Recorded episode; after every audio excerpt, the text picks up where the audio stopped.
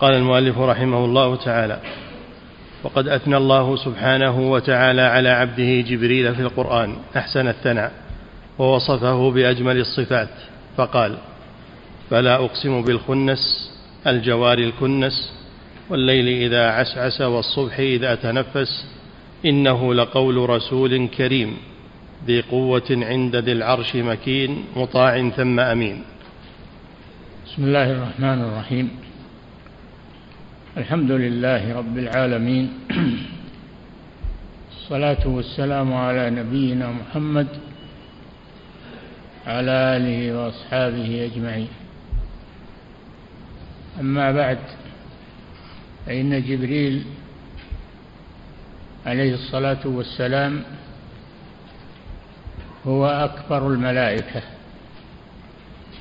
وهو أقربهم إلى الله. سبحانه وتعالى وهو الموكل بالوحي تلقى من عند الله جل وعلا كلام الله ثم ينزل به إلى من أمره الله بتبليغه إياه من رسله ورسله يبلغون ما جاءهم من الله على بواسطة جبريل عليه السلام. فهو رسول كريم ذي قوة وله ستمائة جناح كل جناح منها سد الأفق.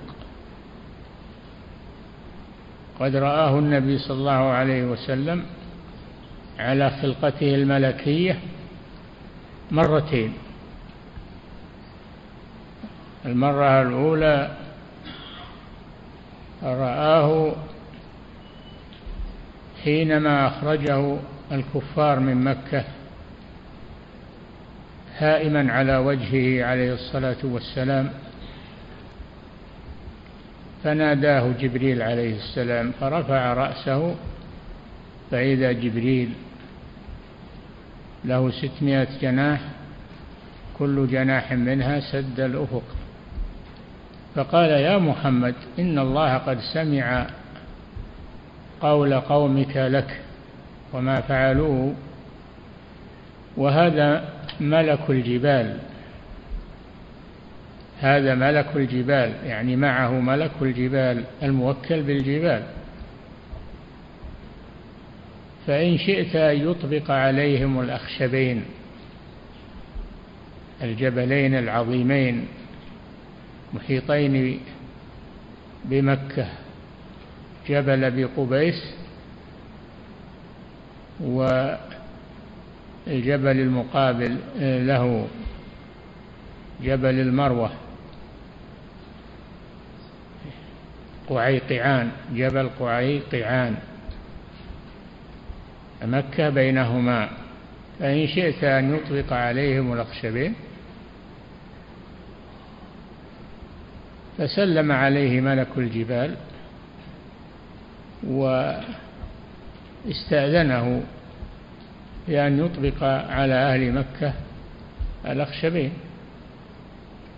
فقال النبي صلى الله عليه وسلم لا بل أستأني بهم يعني أنتظر بهم لعل الله أن يخرج من أصلابهم من يعبد الله وحده لا شريك له. لعل الله أن يخرج من أصلابهم من يعبد الله وحده لا شريك له. نعم. فهذا جبريل عليه السلام فوصفه بأنه رسوله. أولا وصفه بأنه رسول. رسول كريم. كريم على الله جل وعلا ذي قوة ذو مرة وهي القوة. عند ذي العرش قريب من الله سبحانه وتعالى مكين. في مكان له مكانة عند الله جل وعلا. عند ذي العرش مكين. هذا وصف جبريل عليه السلام. ووصف محمد صلى الله عليه وسلم إنه لقول رسول كريم ذي قوة عند ذي العرش مكين. ثم قال عن محمد وما صاحبكم بمجنون. لأنهم يصفون محمدا بالجنون. يصفونه تارة بالجنون وتارة بأنه شاعر تارة بأنه ساحر. يصفونه بأوصاف. وما صاحبكم بمجنون. كما تقولون. ولقد رآه رأى محمد صلى الله عليه وسلم جبريل على صورته الملكية. ولقد رآه بالأفق المبين. رأى محمد صلى الله عليه وسلم جبريل بالأفق على خلقته. له ستمائة جناح كل جناح منها سد الأفق. لقد رآه بالأفق المبين. فالله جل وعلا نزه جبريل عليه السلام الرسول الملكي ونزل محمد صلى الله عليه وسلم الرسول البشري. مما يقوله اليهود اليهود يقولون جبريل عدونا. جبريل هو عدونا ولو أن الذي نزل على محمد غير جبريل لآمنا به. لكن ما نؤمن به والذي نزل عليه جبريل وهو عدونا. قال الله جل وعلا من كان عدوا لجبريل فإنه نزله على قلبك بإذن الله مصدقا لما بين يديه. الله جل وعلا برأ جبريل وبرأ محمد صلى الله عليه وسلم مما يقوله المشركون واليهود. إن كان عدوا لجبريل فإنه نزله على قلبك بإذن الله مصدقا لما بين يديه وهدى وبشرى للمؤمنين. من كان عدوا لله وملائكته ورسله وجبريل وميكال فإن الله عدو للكافرين. نعم. فهذا جبريل فوصفه بأنه رسوله وأنه كريم عنده وأنه ذو قوة ومكانة عند ربه سبحانه. ذو قوة عند ذي العرش. عندية مكان فهو قريب من الله عز وجل. مكين متمكن. وما صاحبكم محمد صلى الله عليه وسلم بمجنون كما تقولون. ولقد رآه بالأفق المبين. رأى محمد صلى الله عليه وسلم جبريل في السماء فوقه. هذه مرة والمرة الثانية ولقد رآه نزلة أخرى عند سدرة المنتهى لما عرج بمحمد صلى الله عليه وسلم إلى السماء وانتهى إلى سدرة المنتهى وجد جبريل عليه السلام عند عند سدرة المنتهى ولقد رآه نزلة أخرى عند سدرة المنتهى. نعم. وأنه ذو قوة ومكانة عند ربه سبحانه وأنه مطاع في السماوات وأنه أمين على الوحي.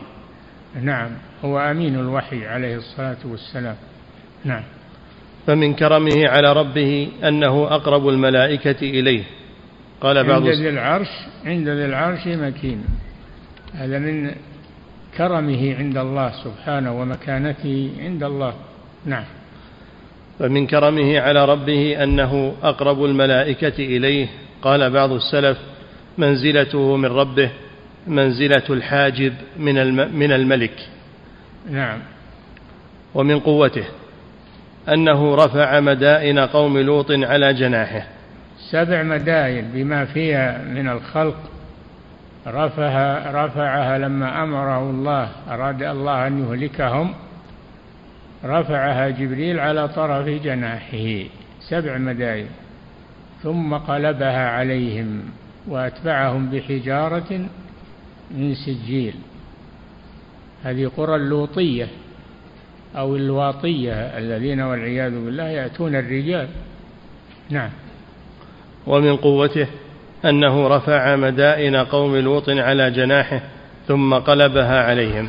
نعم. فهو قوي على تنفيذ ما يؤمر به غير عاجز عنه. صاح بثمود صيحة واحدة. فماتوا عن آخرهم. إنا أرسلنا عليهم صيحة واحدة. يعني صاح بهم جبريل عليه السلام. فكانوا كهشيم المحتضر.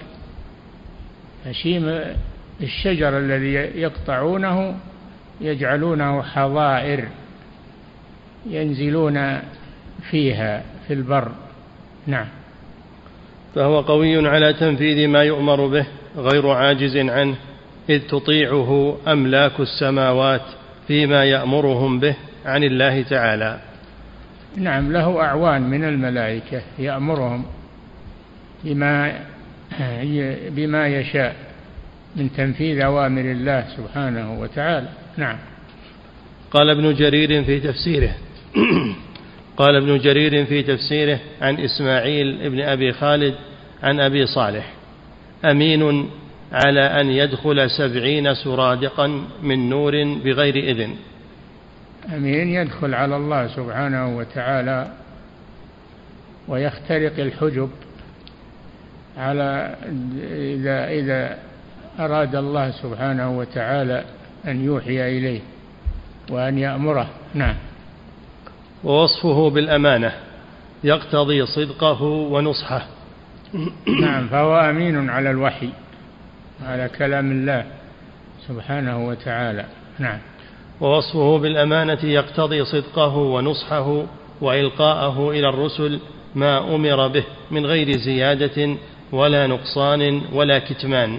هو أمين بما حمل من عند الله سبحانه وتعالى يبلغه كما حمله الله إياه. لا ينقص ولا يزيد ولا يغير.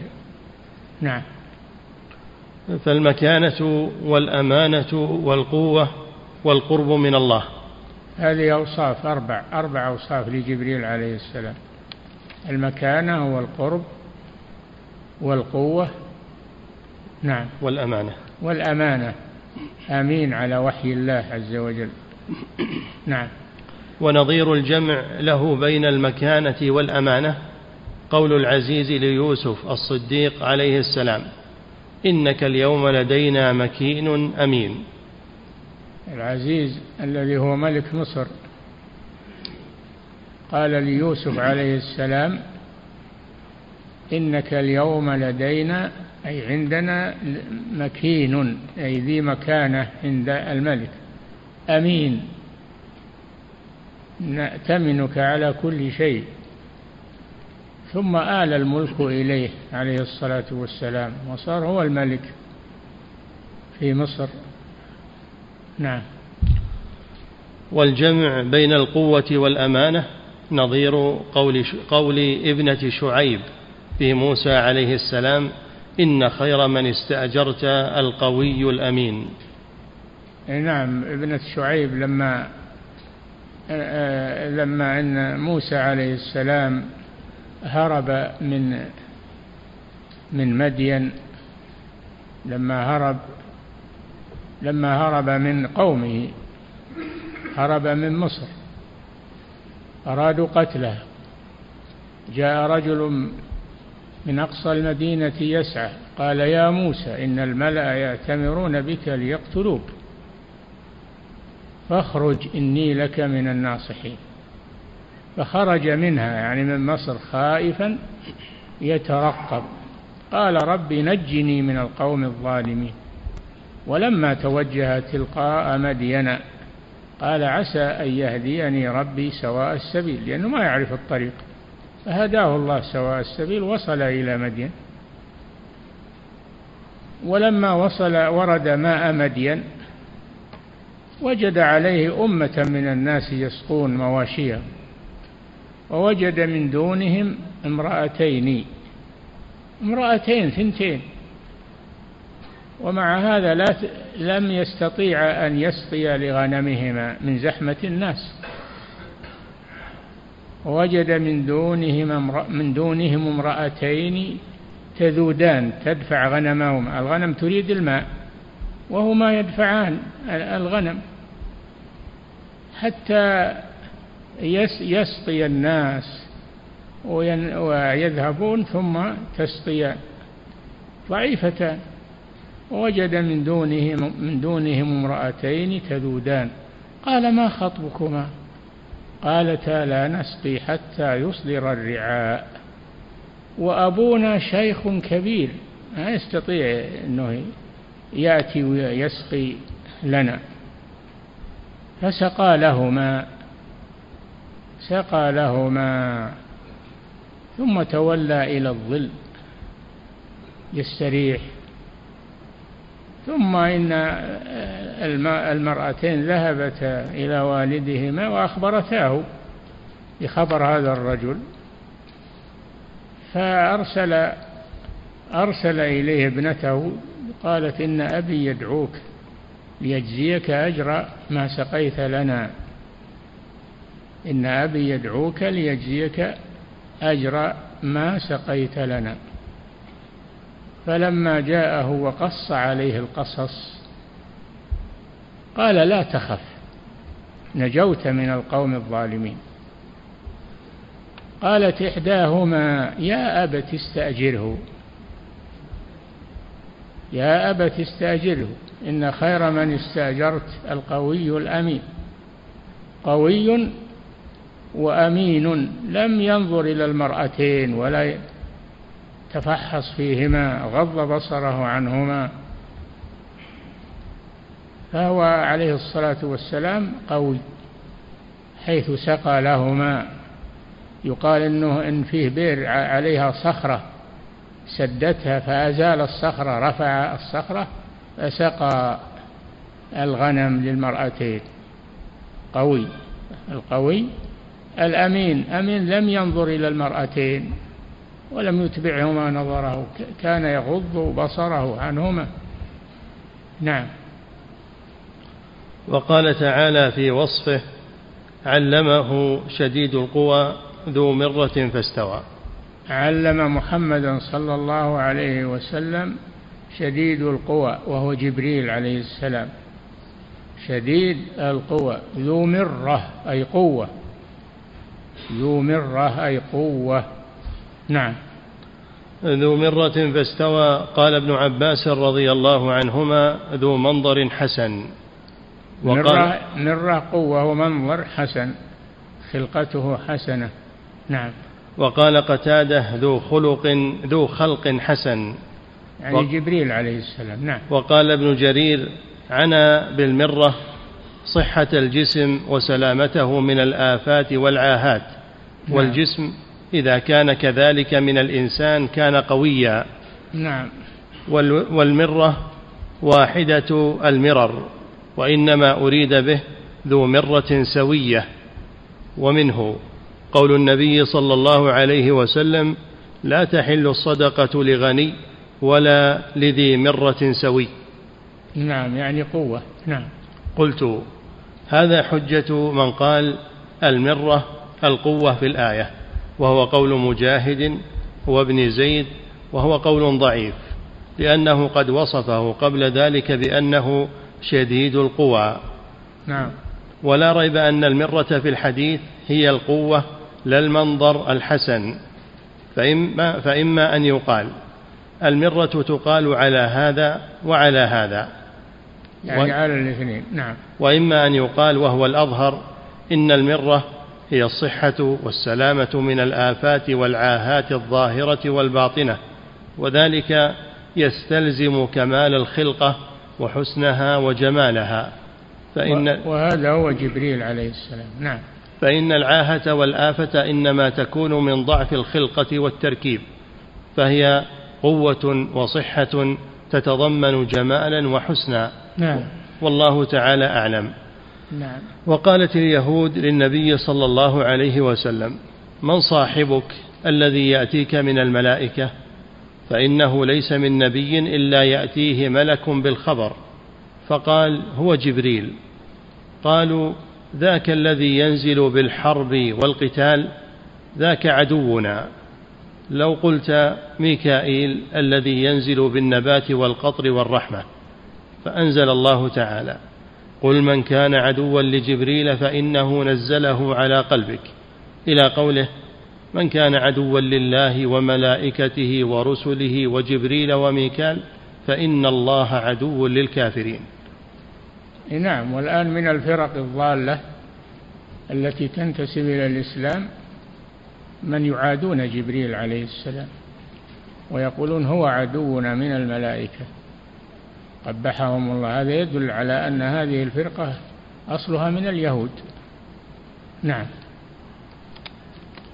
والمقصود أن الله سبحانه وتعالى وكل بالعالم العلوي والسفلي والسفلي ملائكة عليهم من الله أفضل الصلاة والسلام فهي تدبر أمر العالم بإذنه.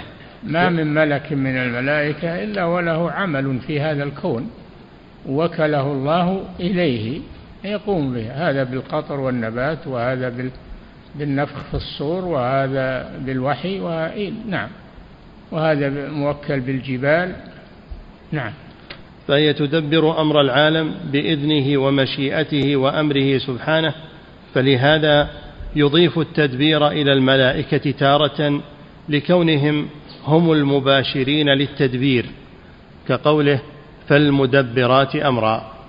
عن الملائكة. نعم. ويضيف التدبير إليه كقوله إن ربكم الله الذي خلق السماوات والأرض في ستة أيام ثم استوى على العرش يدبر الأمر.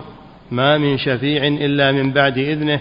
ذلكم الله ربكم فاعبدوه أفلا تذكرون. نعم فالمدبر في الأصل هو الله جل وعلا ويأمر الملائكة بالتدبير في هذا الكون فهم يمتثلون أمر الله سبحانه وتعالى. نعم. وقوله قل من يرزقكم من السماء والأرض امن يملك السمع والأبصار ومن يخرج الحي من الميت؟ إلى قوله ومن يدبر الأمر فسيقولون الله. فهو نعم لأنهم مقرون بتوحيد الربوبية المشركون مقرون بتوحيد الربوبية لكنهم ينكرون توحيد الألوهية. نعم. فهو المدبر امرا واذنا ومشيئة والملائكة المدبرات مباشرة وامتثالا. نعم. وهذا كما أضاف التوفي إليهم تارة كقوله توفته رسلنا وإليه تارة كقوله الله يتوفى الأنفس. ونظائره. لأن الله يأمر الملائكة بتوفي العبد. ملك الموت هو رئيسهم وهو عزرائيل ومعه ملائكة يساعدونه على قبض الأرواح. معه ملائكة يساعدونه على قبض الأرواح واستخراجها من جسم الإنسان. فإذا أخرجوها قبضها ملك الموت. ولهذا يسند التوفي إليه وتارة يسند التوفي إلى الرسل. وكلا المعنيين حق الرسل أعوان لعزرائيل وهم يساعدونه على إخراج الروح ثم يقبضها منهم. عليه الصلاة والسلام. نعم. والملائكة الموكلة بالإنسان من, حي من حين كونه نطفة إلى آخر أمره لهم وله شأن آخر. وهناك ملائكة موكلون بحفظ الإنسان. بحفظ الإنسان لا يعتدي عليه أحد ولا يصل إليه أحد. وهم المعقبات. له معقبات من بين يديه ومن خلفه يحفظونه من أمر الله. هؤلاء المعقبات أمامه وخلفه يحفظونه من أمر الله سبحانه وتعالى أي بأمر الله. فإذا جاء أجله تخلوا عنه. نعم. والملائكة الموكلة بالإنسان من حين كونه نطفة إلى آخر أمره لهم وله شأن آخر. هذه المعقبات. وأما الذين يكتبون فهم عن عن عن عن يمينه وعن يساره. واحد يكتب الحسنات وواحد يكتب السيئات. وإن عليكم لحافظين كراما كاتبين يعلمون ما تفعلون. نعم. فإنهم موكلون بتخليقه ونقله من طور إلى طور وتصويره وحفظه في أطباق الظلمات الثلاث.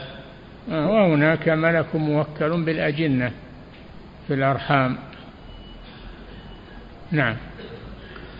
وكتابة رزقه وعمله وأجله وشقاوته وسعادته. نعم. وملازمته في جميع أحواله وإحصاء أقواله وأفعاله. هؤلاء الحفظة هؤلاء الحفظة الذين يحفظون عليه عمله ويكتبونه. نعم.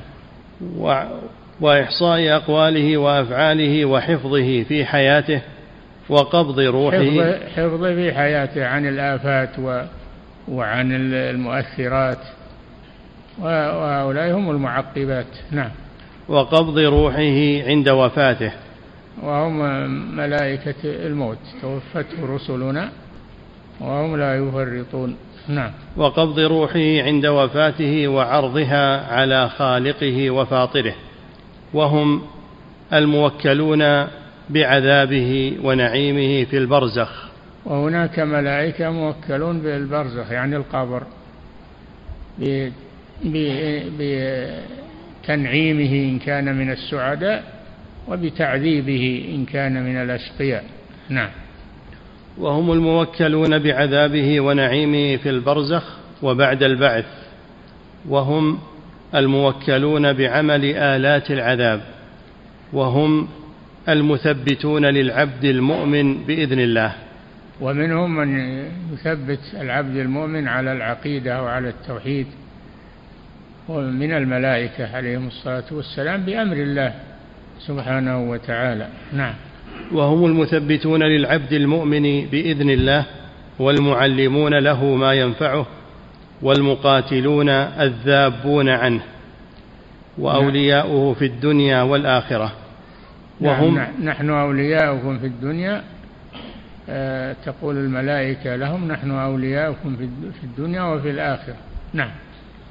وهم الذين ير وهم الذين يرونه في منامه ما يخافه ليحذره وما يحبه ليقوى قلبه ويزداد شكرا. ملائكة الرؤيا الرؤيا لها ملائكة أيضا. الرؤيا الحق اللي ما ليست أضغاث أحلام وإنما هي رؤيا حقيقية هذه لها ملائكة. نعم. وهم الذين يرونه في منامه ما يخافه ليحذره وما يحبه ليقوى قلبه ويزداد شكرا وهم الذين يعدونه بالخير ويدعونه إليه وينهونه عن الشر ويحذرونه منه. أي نعم كل واحد معه ملكان واحد يدعوه إلى الخير ويأمره بالخير والثاني يأمره بالشر. نعم يعني من الشياطين معه شيطان ومعه ملك. كل إنسان معه شيطان ومعه ملك فالملك يأمره بالخير ويعينه عليه بأمر الله والشيطان يدعوه إلى الشر ويحثه على الشر. نعم. وهم الذين يعدونه بالخير ويدعونه إليه وينهونه عن الشر ويحذرونه منه فهم أولياؤه وأنصاره وحفظته ومعلموه وناصحوه والداعون له والمستغفرون له. ولهذا يقولون له نحن أولياؤكم في الحياة الدنيا وفي الآخرة. نعم. والداعون له والمستغفرون له وهم الذين يصلون عليه ما دام في طاعة ربه. إن الله وملائكته يصلون على النبي. الصلاة من الله ثناؤه على عبده. ومن الملائكة الاستغفار. تصلي عليه يعني تستغفر له. نعم. والمستغفرون له وهم الذين يصلون عليه ما دام في طاعة ربه ويصلون عليه ما دام يعلم الناس الخير. نعم. ويبشرونه بكرامة الله تعالى في منامه وعند موته ويوم بعثه. يبشرونه بالنعيم ويبشرونه بالجنة نعم وهم الذين يزهدونه في الدنيا ويرغبونه في الآخرة وهم الذين يذكرونه إذا نسي وينشطونه إذا كسل نعم. ويثبتونه إذا جزع وهم الذين يسعون في مصالح دنياه وآخرته فهم رسل الله في نعم. خلقه وأمره وسفراؤه بينه وبين عباده. نعم. تتنزل بالأمر من عنده في أقطار العالم وتصعد إليه بالأمر. قد أطت بهم السماوات وحق لها أن تعط. يعني صار لها صوت من, من كثرة الملائكة أثقلوها وصار لها صوت وأطيط. نعم. قد أطت بهم السماوات وحق لها أن تعط. ما فيها من موضع أربع أصابع إلا وملك قائم أو راكع أو ساجد. لا يحصي كثرة الملائكة إلا الله سبحانه وتعالى. نعم. ويدخل البيت المعمور كل يوم منهم سبعون ألف ملك لا يعودون إليه آخر البيت المعمور في السماء تطوف به الملائكة وهو حذاء البيت العتيق. في مكة. هذا للملائكة وهذا لبني آدم. نعم. ويدخل البيت المعمور كل يوم منهم سبعون ألف ملك لا يعودون إليه آخر ما عليهم. نعم. من كثرتهم. نعم. والقرآن مملوء بذكر الملائكة وأصنافهم وأعمالهم ومراتبهم. نعم. كقوله تعالى وإذ قال ربك للملائكة إني جاعل في الأرض خليفة. قالوا أتجعل فيها من يفسد فيها ويسفك الدماء ونحن نسبح بحمدك ونقدس لك. قال إني أعلم ما لا تعلمون. نعم لأن الأرض كان فيها قبل آدم. فيها أناس يتقاتلون ويسفكون الدماء ويفسدون في الأرض. فلما قال الله للملائكة أخبرهم إني جاعل في الأرض خليفة. خليفة يعني يأتي بعد من سبقه. ما هو خليفة لله إنما هو خليفة يعني يأتي بعد من سبقه من الخلق. إني جاعل في الأرض خليفة. قالوا وتجعل فيها من يفسد فيها ويسفك الدماء بناء على ما عرفوه من آه، الخلق. الذين قبل آدم قال إني أعلم ما لا تعلمون. ثم أراد أن يظهر فضل آدم عليه السلام على الملائكة. علم آدم الأسماء كلها أسماء الأشياء كلها. ثم عرضهم على الملائكة فقال أنبئوني بأسماء هؤلاء. قالوا سبحانك لا علم لنا إلا ما علمتنا. إنك أنت العليم الحكيم. قال يا آدم أنبئهم بأسمائهم. فأخبرهم بأسماء الكائنات كلها. فقال يا آدم أنبئهم بأسمائهم. فلما أنبأهم بأسمائهم قال ألم أقل لكم إني أعلم غيب السماوات والأرض وأعلم ما تبدون وما تكتمون؟ نعم. فهو أعلم من آدم ما لا تعلمه الملائكة. نعم. قال ألم أقل لكم إني أعلم غيب السماوات والأرض وأعلم ما تبدون وما كنتم تكتمون؟ وإذ قلنا للملائكة اسجدوا لآدم إلى آخر القصة. اسجدوا لآدم سجود تحية ما هو سجود عبادة؟ وكان سجود التحية معروفا إلى بعثة النبي صلى الله عليه وسلم وهم يسجدون سجود التحية لملوكهم ومعظميهم ومن يحبونه. هذا سجود تحية ثم إن الله نسخه ومنع السجود للإنسان. ولما أراد معاذ بن جبل أن يسجد للرسول صلى الله عليه وسلم لما قدم لما قدم إليه نهاه الرسول صلى الله عليه وسلم عن ذلك. هذا نسخ سجود التحية نسخ. ومنه سجود الملائكة لآدم سجود تحية وليس سجود عبادة. نعم.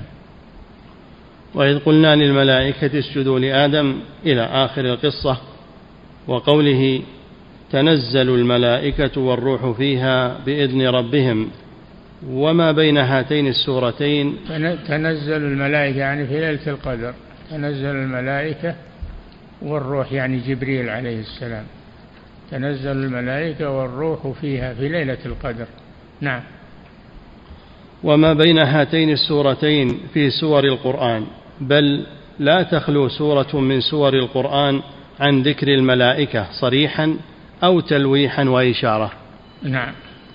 وأما ذكرهم في الأحاديث النبوية على صاحبها أفضل الصلاة والسلام فأكثر وأشهر من أن تذكر.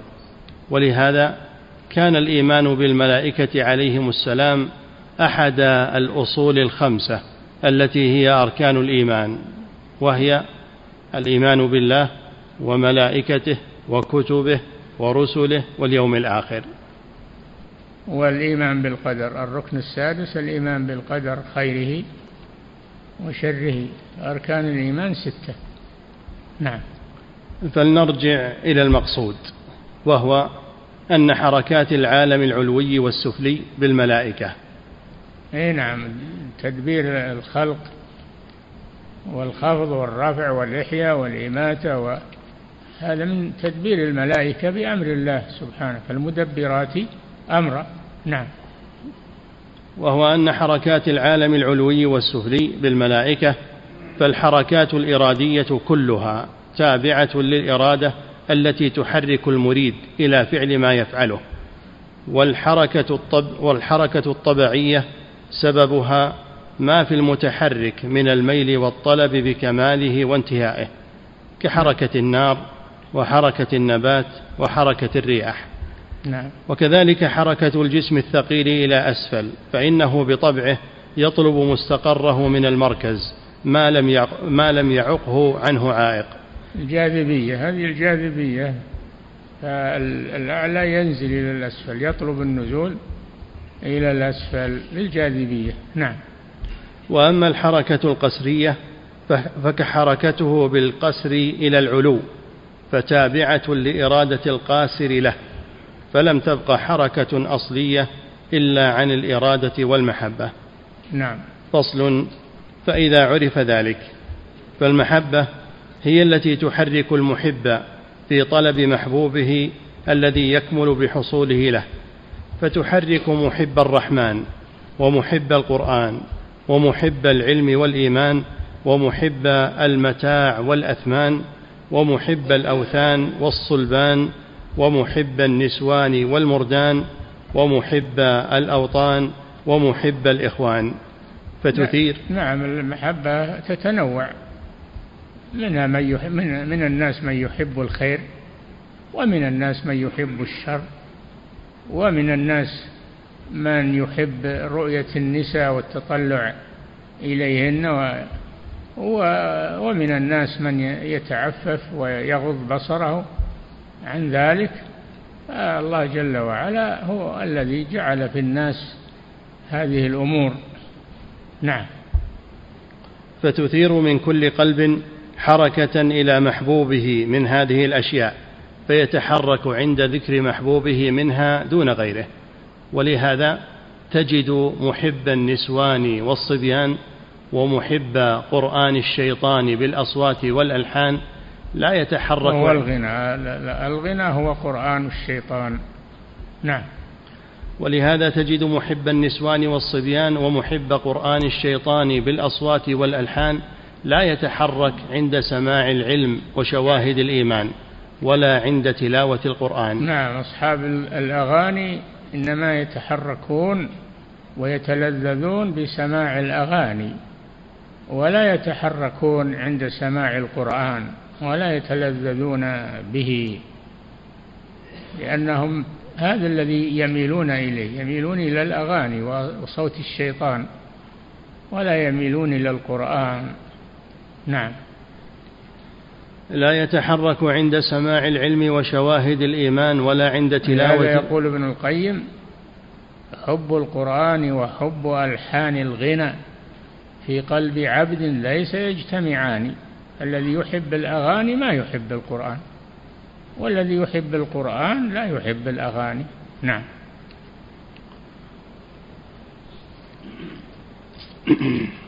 ولا يتحرك عند سماع العلم وشواهد الإيمان ولا عند تلاوة القرآن حتى إذا ذكر له محبوبه اهتز له وربى وتحرك باطنه وظاهره شوقا إليه وطربا لذكره.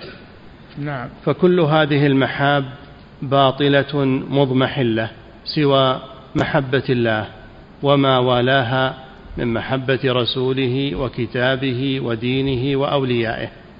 نعم كل المحاب تنقرض تذهب إلا محبة الله سبحانه وتعالى محبة كتابه وسنة رسوله صلى الله عليه وسلم ومحبة الصالحين المحبة في الله ولله تبقى هذه تبقى. الأخلاء يومئذ بعضهم لبعض عدو يعني يوم القيامة إلا المتقين.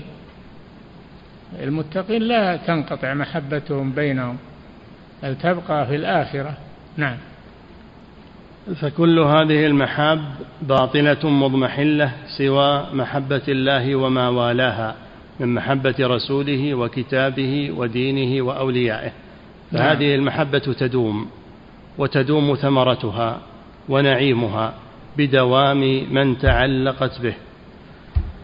وفضلها على سائر المحاب كفضل من تعلقت به على ما سواه وإذا انقطعت علائق المحبين وأسباب توادهم ومحابهم لم تنقطع أسبابها.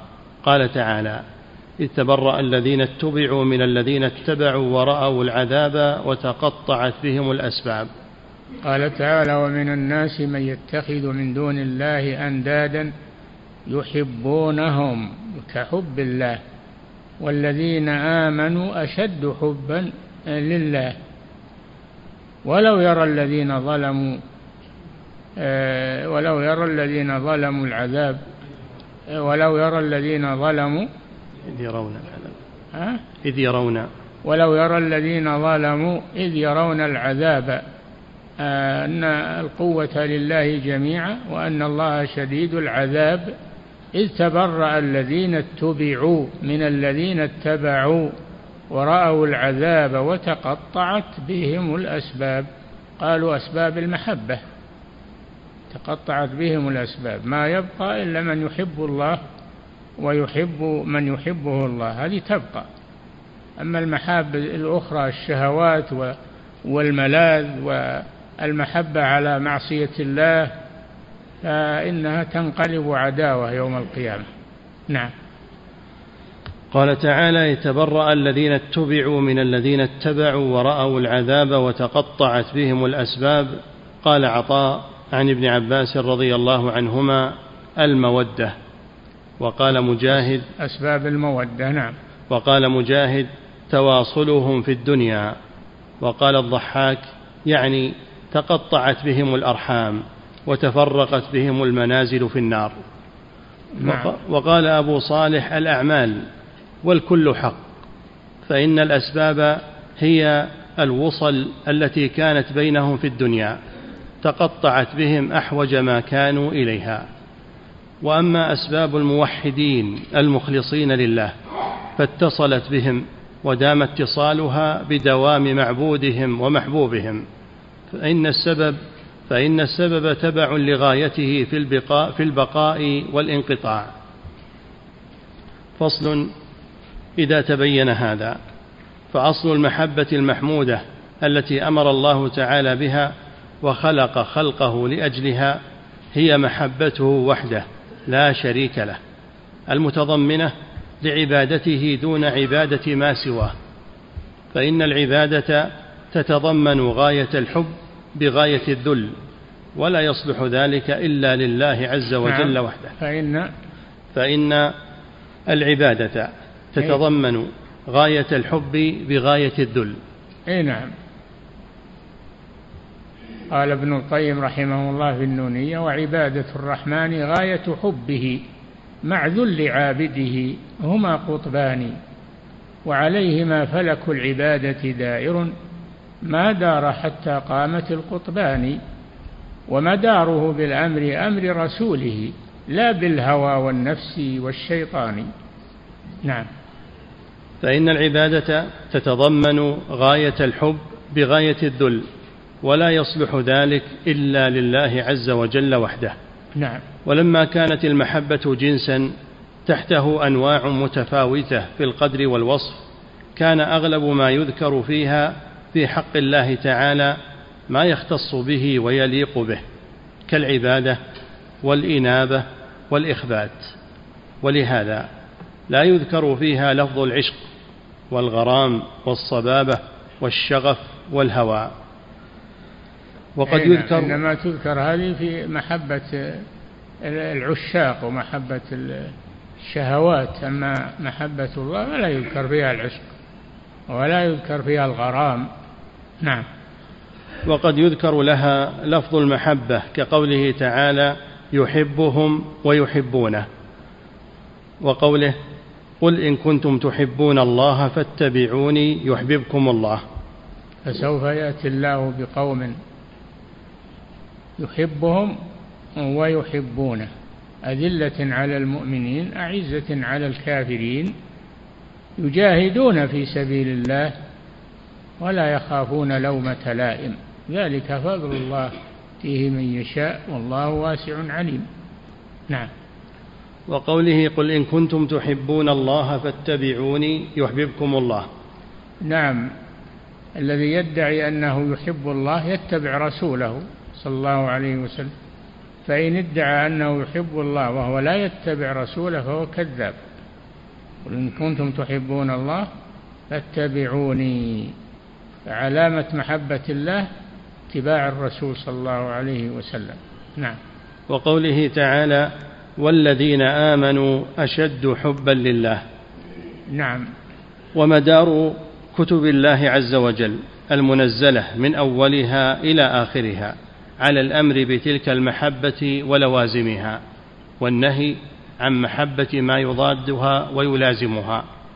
وضرب الأمثال والمقاييس لأهل المحبتين وذكر قصصهم ومآلهم ومنازلهم وثوابهم وعقابهم.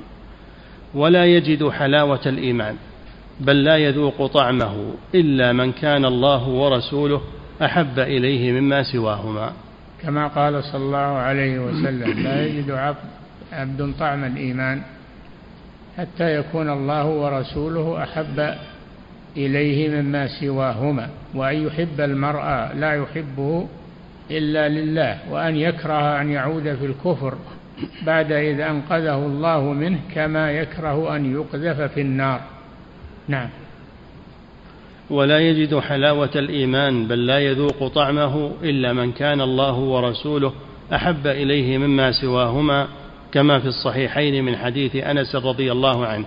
عن النبي صلى الله عليه وسلم قال ثلاث من كن فيه وجد حلاوة الإيمان وفي لفظ لا يجد طعم الإيمان إلا من كان فيه ثلاث من كان الله ورسوله أحب إليه مما سواهما وأن يحب المرء لا يحبه إلا لله وأن يكره أن يرجع في الكفر بعد إذ أنقذه الله تعالى منه كما يكره أن يلقى في النار. نعم. وفي الصحيحين أيضا عنه قال قال رسول الله صلى الله عليه وسلم والذي نفسي بيده لا يؤمن أحدكم حتى أكون أحب إليه من ولده ووالده والناس أجمعين. لا يؤمن أحدكم حتى أكون يعني الرسول صلى الله عليه وسلم أحب إليه من ولده ووالده والناس أجمعين. هذا هذا الذي يجد الإيمان في قلبه أن يحب الرسول أكثر مما يحب نفسه وولده ووالده والناس أجمعين. نعم. ولهذا اتفقت دعوة الرسل من أولهم إلى آخرهم صلوات الله وسلامه عليهم أجمعين على عبادة الله وحده لا شريك له. وأصل العبادة وتمامها وكمالها هو المحبة وإفراد وإفراد الرب سبحانه بها فلا يشرك العبد بها فلا يشرك العبد به فيها غيره. والكلمة المتضمنة لهذين الأصلين هي الكلمة التي لا يدخل في الإسلام إلا بها ولا يعصم دمه وماله إلا بالإتيان بها ولا ينجو من عذاب الله إلا بتحقيقها بالقلب واللسان وذكرها أفضل الذكر كما في صحيح ابن حبان عنه صلى الله عليه وسلم أفضل الذكر لا إله إلا الله. أي لا معبود بحق سواه. نعم. والآية المتضمنة لها ولتفضيلها سيدة آي القرآن والسورة المختصة بتحقيقها تعدل ثلث القرآن. ويقول هو الله أحد. نعم. وبها أرسل الله سبحانه جميع رسله وأنزل جميع كتبه وشرع جميع شرائعه قياما بحقها وتكميلا لها. المحبة يعني. نعم. وهي التي يدخل بها العبد على ربه ويصير به ويصير في جواره وهي مفزع أوليائه وأعدائه. فإن أعداءه إذا مسهم الضر في البر والبحر فزعوا إلى توحيده وتبرأوا من شركهم ودعوه مخلصين له الدين.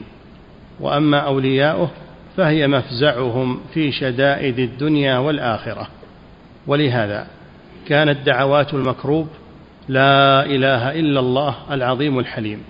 لا إله إلا الله رب العرش العظيم. لا إله صلى الله عليه وسلم يدعو بهذا الدعاء عند الكرب. نعم. لا إله إلا الله رب السماوات ورب الأرض رب العرش الكريم. ودعوة كلمة لا إله إلا الله يلهج بها عند الكرب لينجيه الله. ذنون عليه السلام لما التقمه الحوت وصار في الظلمات ظلمة البحر وظلمة الليل وظلمة بطن الحوت نادى في الظلمات أن لا إله إلا أنت. سبحانك إني كنت من الظالمين. نعم. ودعوة ذي النون الذي ما دعا بها مكروب إلا فرج الله كربه لا إله إلا أنت سبحانك إني كنت من الظالمين. نعم. وقال ثوبان رضي الله عنه كان رسول الله صلى الله عليه وسلم إذا راعه أمر قال الله ربي لا أشرك به شيئا. وفي لفظ هو الله لا شريك له. وهذا معنى لا إله إلا الله. نعم. وقالت أسماء بنت عميس رضي الله عنها علمني رسول الله صلى الله عليه وسلم كلمات أقولها عند الكرب. الله الله ربي لا أشرك به شيئا.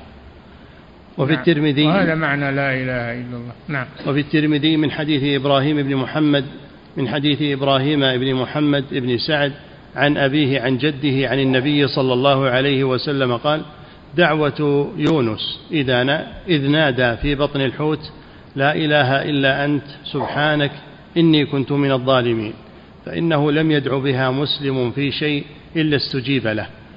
شوفوا البزر اللي يلعب بالكرسي خذوا الكرسي منه. نعم. فإنه لم يدع بها مسلم في شيء إلا استجيب له وفي مسند الإمام أحمد مرفوعا دعوات المكروب اللهم رحمتك أرجو فلا تكلني إلى نفسي طرفة عين وأصلح لي شأني كله لا إله إلا أنت. فالتوحيد فالتوحيد ملجأ الطالبين. يكفي نقف عند نعم.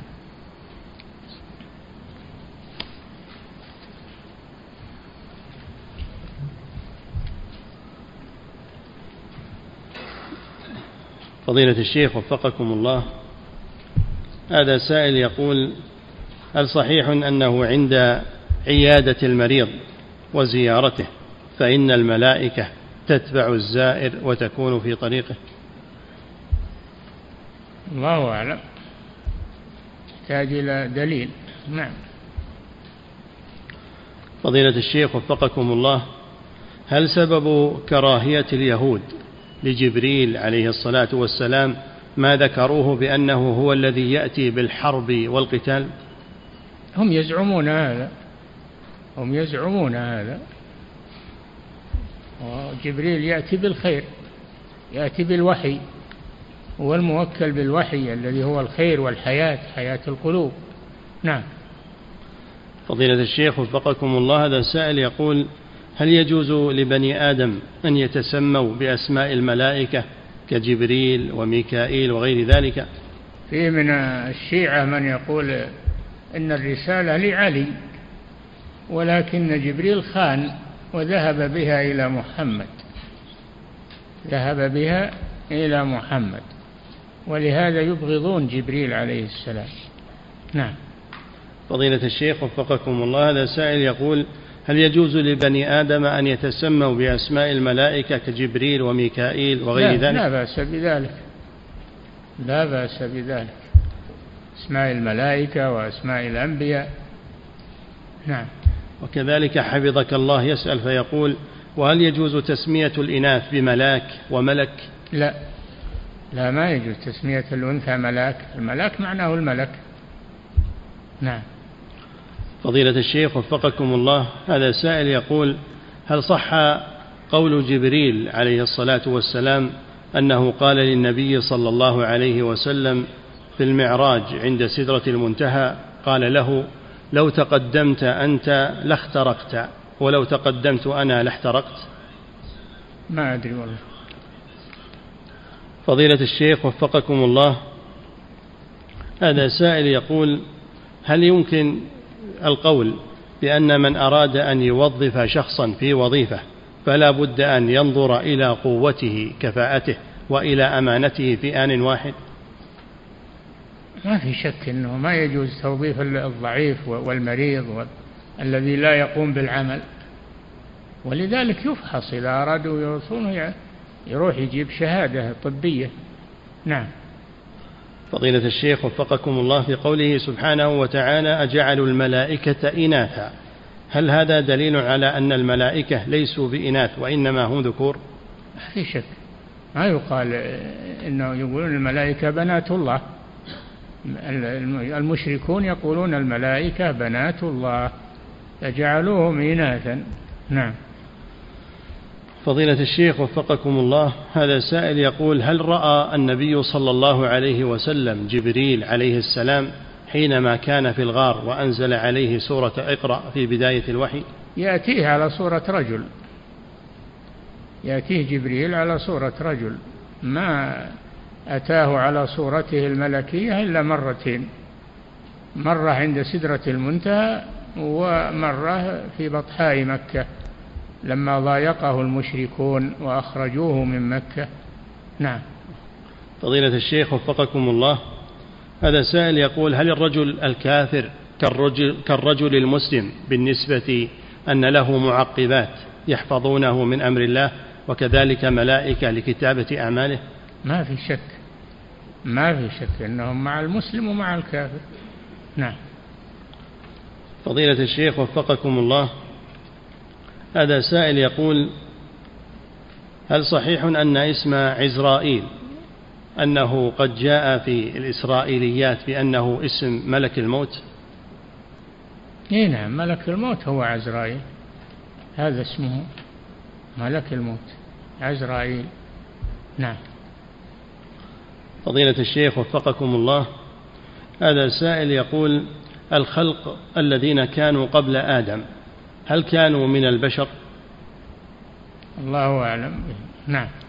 فضيلة الشيخ وفقكم الله هذا سائل يقول هل صحيح أن هناك ملائكة تنزل ليلة القدر ولا ينزلون مرة أخرى إلى الأرض بعد ذلك؟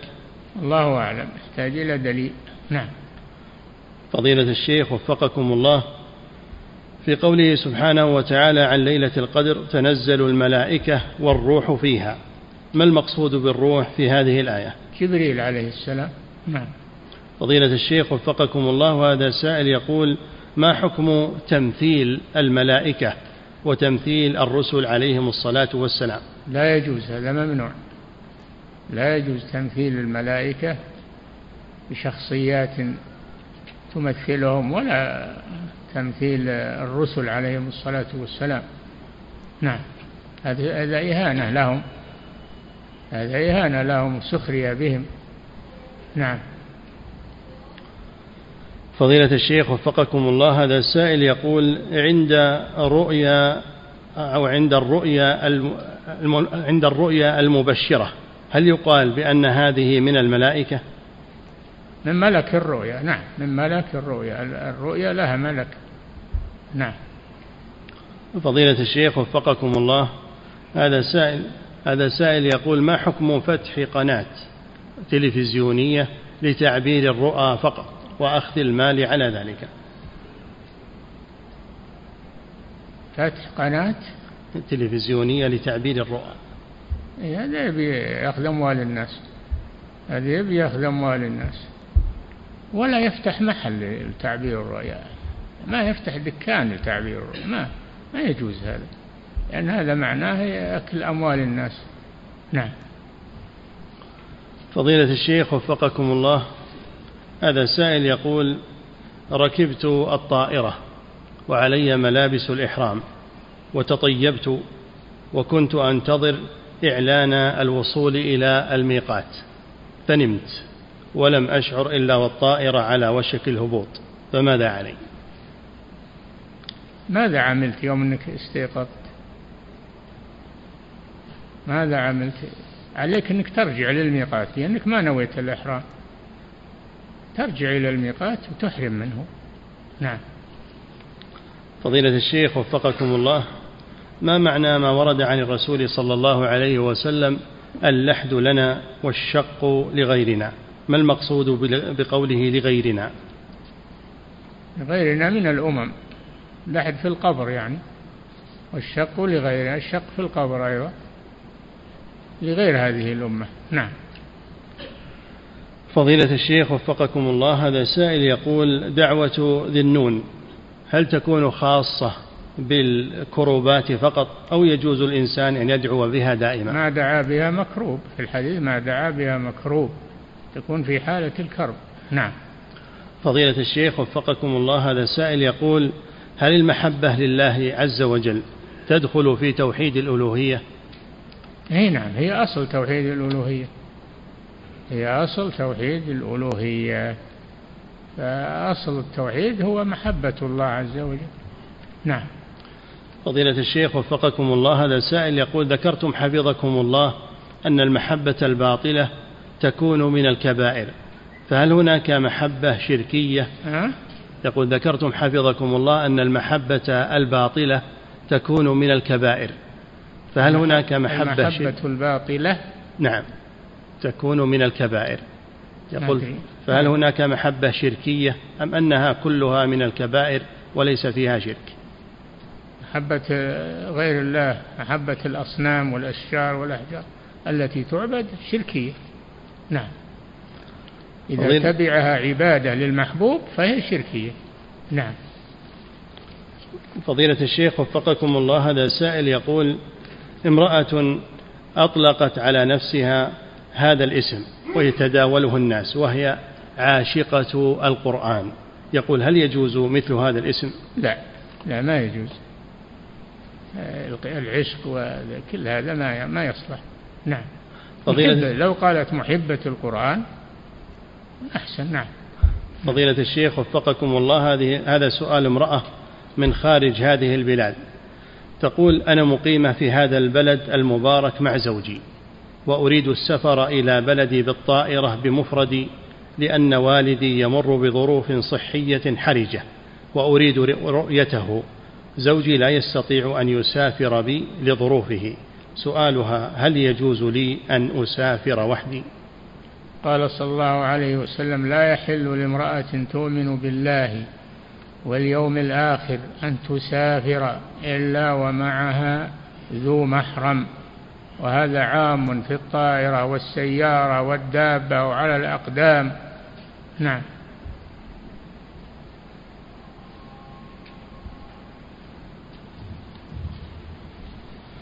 الله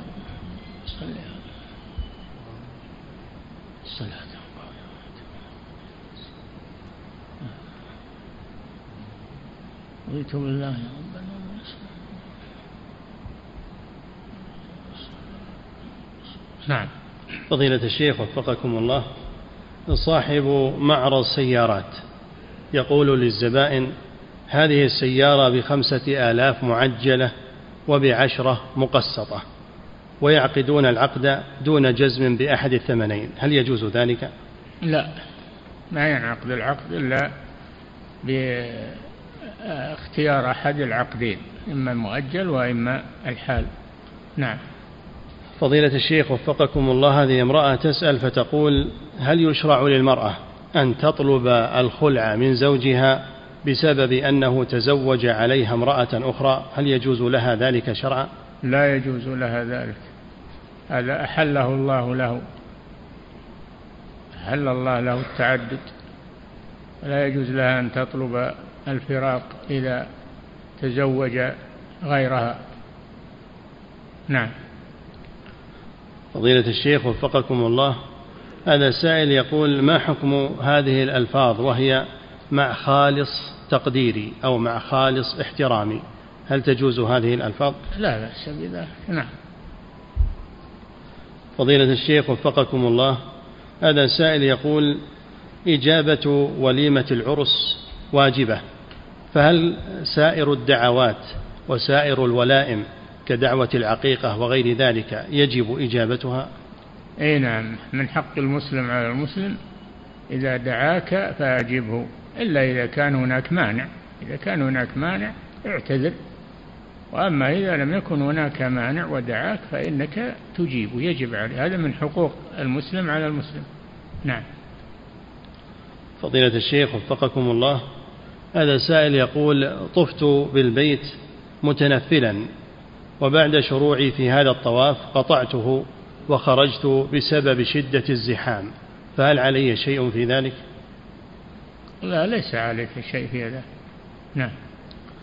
فضيلة الشيخ وفقكم الله هذا سائل يقول أريد السفر ولا أدري مدة بقائي مسافرا فقد أبقى لمدة يومين أو أسبوعين. يقول هل يجوز لي أن أقصر الصلاة طوال مدة سفري؟ إذا كنت ما نويت إقامة تزيد على أربعة أيام فلك القصر نعم.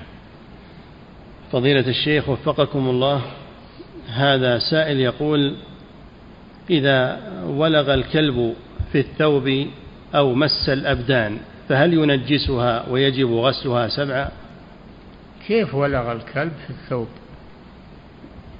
يعني في الإناء الكلب يلغ في الإناء ما هو في الثوب. والكلب إذا كان رطبا فإنه ينجس ما ما باشره. أما إذا كان يابسا فلا ما ما ينجس. نعم. فضيلة الشيخ وفقكم الله. هذه امرأة تسأل فتقول هل صحيح ما يقال بأن الأدلة على وجوب تغطية الوجه للمرأة كلها أدلة ليست صريحة وإنما وإنما الواجب جاء من اجتهاد العلماء والجمهور فقط؟ الأدلة واضحة في هذا. يا أيها النبي قل لأزواجك وبناتك ونساء المؤمنين يدنين عليهن من جلابيبهن. هذا ما هو واضح؟ ذلك أدنى أن يعرفن فلا يؤذين. فتغطية الوجه فيها كف للأذى. لا ينظر إليها أحد ولا يتابعها أحد لأنها حجبت نفسها. نعم. فضيلة الشيخ وفقكم الله هذا سائل يقول هل الخوف من الإصابة بالعين؟ ها؟ هل الخوف من الإصابة بالعين ينافي التوكل على الله؟ لا ما ما ينافي لأسباب ظاهرة. العين حق كما قال الرسول صلى الله عليه وسلم العين حق. ولو أن شيئا سابق القدر لسبقته العين. هذا حديث صحيح. فالعين حق الله جعل في أعين بعض الناس كما قال ابن القيم بعض الناس يقول أن نظره مسموم. نظره مسموم وهو العاين. إذا نظر إلى الشيء أصيب. نعم. فضيلة الشيخ وفقكم الله هذا سائل يقول ما تفسير قوله سبحانه وتعالى قل هل ننبئكم بالأخسرين أعمالا؟ الذين ضل سعيهم في الحياة الدنيا وهم يحسبون أنهم يحسنون صنعا. الله بينهم من هم؟ الذين ضل سعيهم في الحياة الدنيا وهم يحسبون أنهم يحسنون صنعا. والكفار والمشركون والمبتدعة و... يدخلون في هذا يحسبون أنهم على خير وأن هذا شيء طيب وهو عمل باطل. نعم. فضيلة الشيخ وفقكم الله هذا السائل يقول متى يبدأ وقت أذكار النهار وكذلك أذكار المساء؟ أذكار المساء تبدأ من الزوال من زوال الشمس ودخول وقت الظهر. وأذكار المساء تبدأ من آه، تبدأ من صلاة الظهر. أذكار المساء تبدأ من صلاة الظهر. أذكار الصباح تبدأ من طلوع الفجر. نعم. فضيلة الشيخ وفقكم الله هذا سائل يقول أثناء خطبة الجمعة هل يجوز لنا أن نشمت العاطس إذا عطس؟ لا. لا لا تشمت العاطس إذا عطس. نعم. فضيلة الشيخ وفقكم ولا ترد السلام إذا سلم عليك أحد. نعم. فضيلة الشيخ وفقكم الله هذا سائل يقول امرأة من أقاربي لديها مال. لكنها لا تعدل بين أولادها في العطايا فتعطي الأبناء أكثر من البنات بل قد لا تعطي البنات إلا عن طريق السلفة مما أثر على بناتها ونفوسهم وجعلهم لا يسامحونها. السؤال هل فعل هذا الأم مشروع؟ العطية على حسب الحاجة. إذا كان بعض الأولاد أكثر حاجة من الآخر يعطى ما يسد حاجته حسب الحاجة. نعم. فضيلة الشيخ وفقكم الله هذا سائل يقول قراءة القرآن هل يلزم لها الطهارة؟ أو المقصود مس المصحف أنه يشترط له الطهارة؟ قراءة القرآن عن ظهر قلب لا يشترط لها الطهارة من الحدث الأصغر. أما الطهارة من الحدث الأكبر فتشترط. لا يقرأ الإنسان وهو جنب. ما كان النبي صلى الله عليه وسلم يحبسه شيء عن تلاوة القرآن إلا الجنابة. نعم. فضيلة الشيخ وفقكم الله هذا سائل يقول هل يشرع مسح الرقبة عند الوضوء عند مسح الرأس؟ لا يجوز هذا بدعة. مسح الرقبة بدعة. وامسحوا برؤوسكم. ما قال رقابكم؟ قال جل وعلا وامسحوا برؤوسكم. بين النبي صلى الله عليه وسلم كيف ذلك؟ إنك تضع يديك آه، مبلولتين بالماء على مقدم الرأس ثم تمرهما إلى قفاه ثم تردهما إلى المكان الذي بدأت منه. نعم. فضيلة الشيخ وفقكم الله وهذا سائل يقول أحضر الدروس العلمية وأقرأ القرآن إلا أنني أعمل بعض المعاصي والمحرمات. فكيف أستطيع التخلص من هذه المنكرات علما بأنني أتوب وأتوب لكن أرجع إلى هذه المعاصي؟ اي ولو رجعت تتوب. ما تيأس من رحمة الله. كل ما أذنبت تتوب. توبة صحيحة. وإذا عدت تتوب. وإذا عدت تتوب. ما تيأس من رحمة الله. نعم. فضيلة الشيخ وفقكم الله هذا سائل يقول هل يجب الوضوء عند أكل كبد الجمل؟ نعم لأنه من اللحم من لحم الجزور. من لحم الجزور. نعم. فضيلة الشيخ وفقكم الله هذا سائل يقول هل مس المرأة من المحارم سواء كانت زوجة أو غيرها؟ هل هو ناقض للوضوء؟ إذا كان لشهوة فهو ناقض للوضوء أما إذا كان لغير شهوة فلا. نعم. فضيلة الشيخ وفقكم الله هذا سائل يقول يشرع الدعاء في السجود فهل يشرع أن أصلي على الرسول صلى الله عليه وسلم قبل أن أدعو في السجود؟ نعم لا بأس. هذا دعاء الصلاة على الرسول دعاء. نعم. فضيلة الشيخ وفقكم الله في قول الرسول صلى الله عليه وسلم لا تدخل الملائكة بيتا فيه كلب أو صورة. يقول ما المقصود بالملائكة الذين يمتنعون من الدخول؟ ملائكة الرحمة. مراد بهم ملائكة الرحمة. أما الحفظة وأما هذول يدخلون لكن ملائكة الرحمة. نعم. فضيلة الشيخ وفقكم الله هذا سائل يقول جاء عن رسول الله صلى الله عليه وسلم النهي عن أكل الثوم إذا أراد الذهاب إلى المسجد. وأنه تتأذى من ذلك الملائكة. يقول هل هذا الأمر صحيح؟ هذا حديث صحيح. من أكل ثوما أو بصلا فلا يقربن مسجدنا أو مصلانا. فإن الملائكة تتأذى مما يتأذى منه الإنسان. نعم. فضيلة الشيخ وفقكم الله هذا سائل يقول جاء عن رسول الله صلى الله عليه وسلم أنه قال لمعاذ رضي الله عنه لا تدعن دبر كل صلاة أن تقول اللهم أعني على ذكرك وشكرك وحسن عبادتك. يقول ما المقصود بدبر الصلاة؟ هل هو قبل السلام أو بعد السلام؟ يشمل يشمل قبل السلام ويشمل بعد السلام فأنت مخير. نعم. فضيلة الشيخ وفقكم الله هذا سائل يقول ما حكم كتابة الآيات؟ على زجاج السيارة الخلفية. لا القرآن ما يكتب على السيارات ولا على الجدران ولا على يصان القرآن و... و... ولا يكتب على شيء يعرضه للإهانة. نعم. فضيلة الشيخ وفقكم الله هذا سائل يقول داعية في بلاد كينيا طلب منه أن يلقي كلمة عن الإسلام وفضائله داخل كنيسة فهل يجوز له ذلك؟ نعم.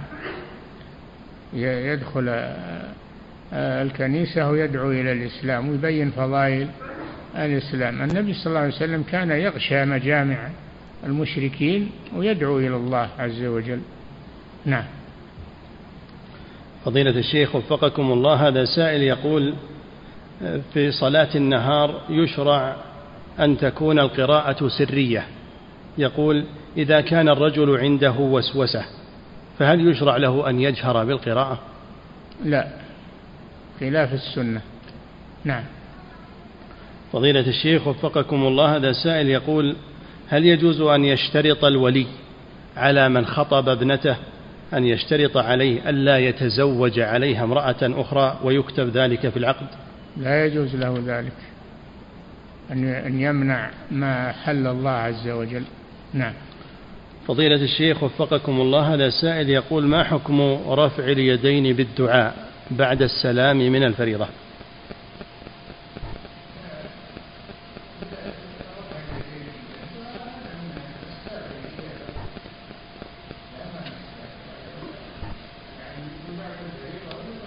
بعد الفريضة يقول.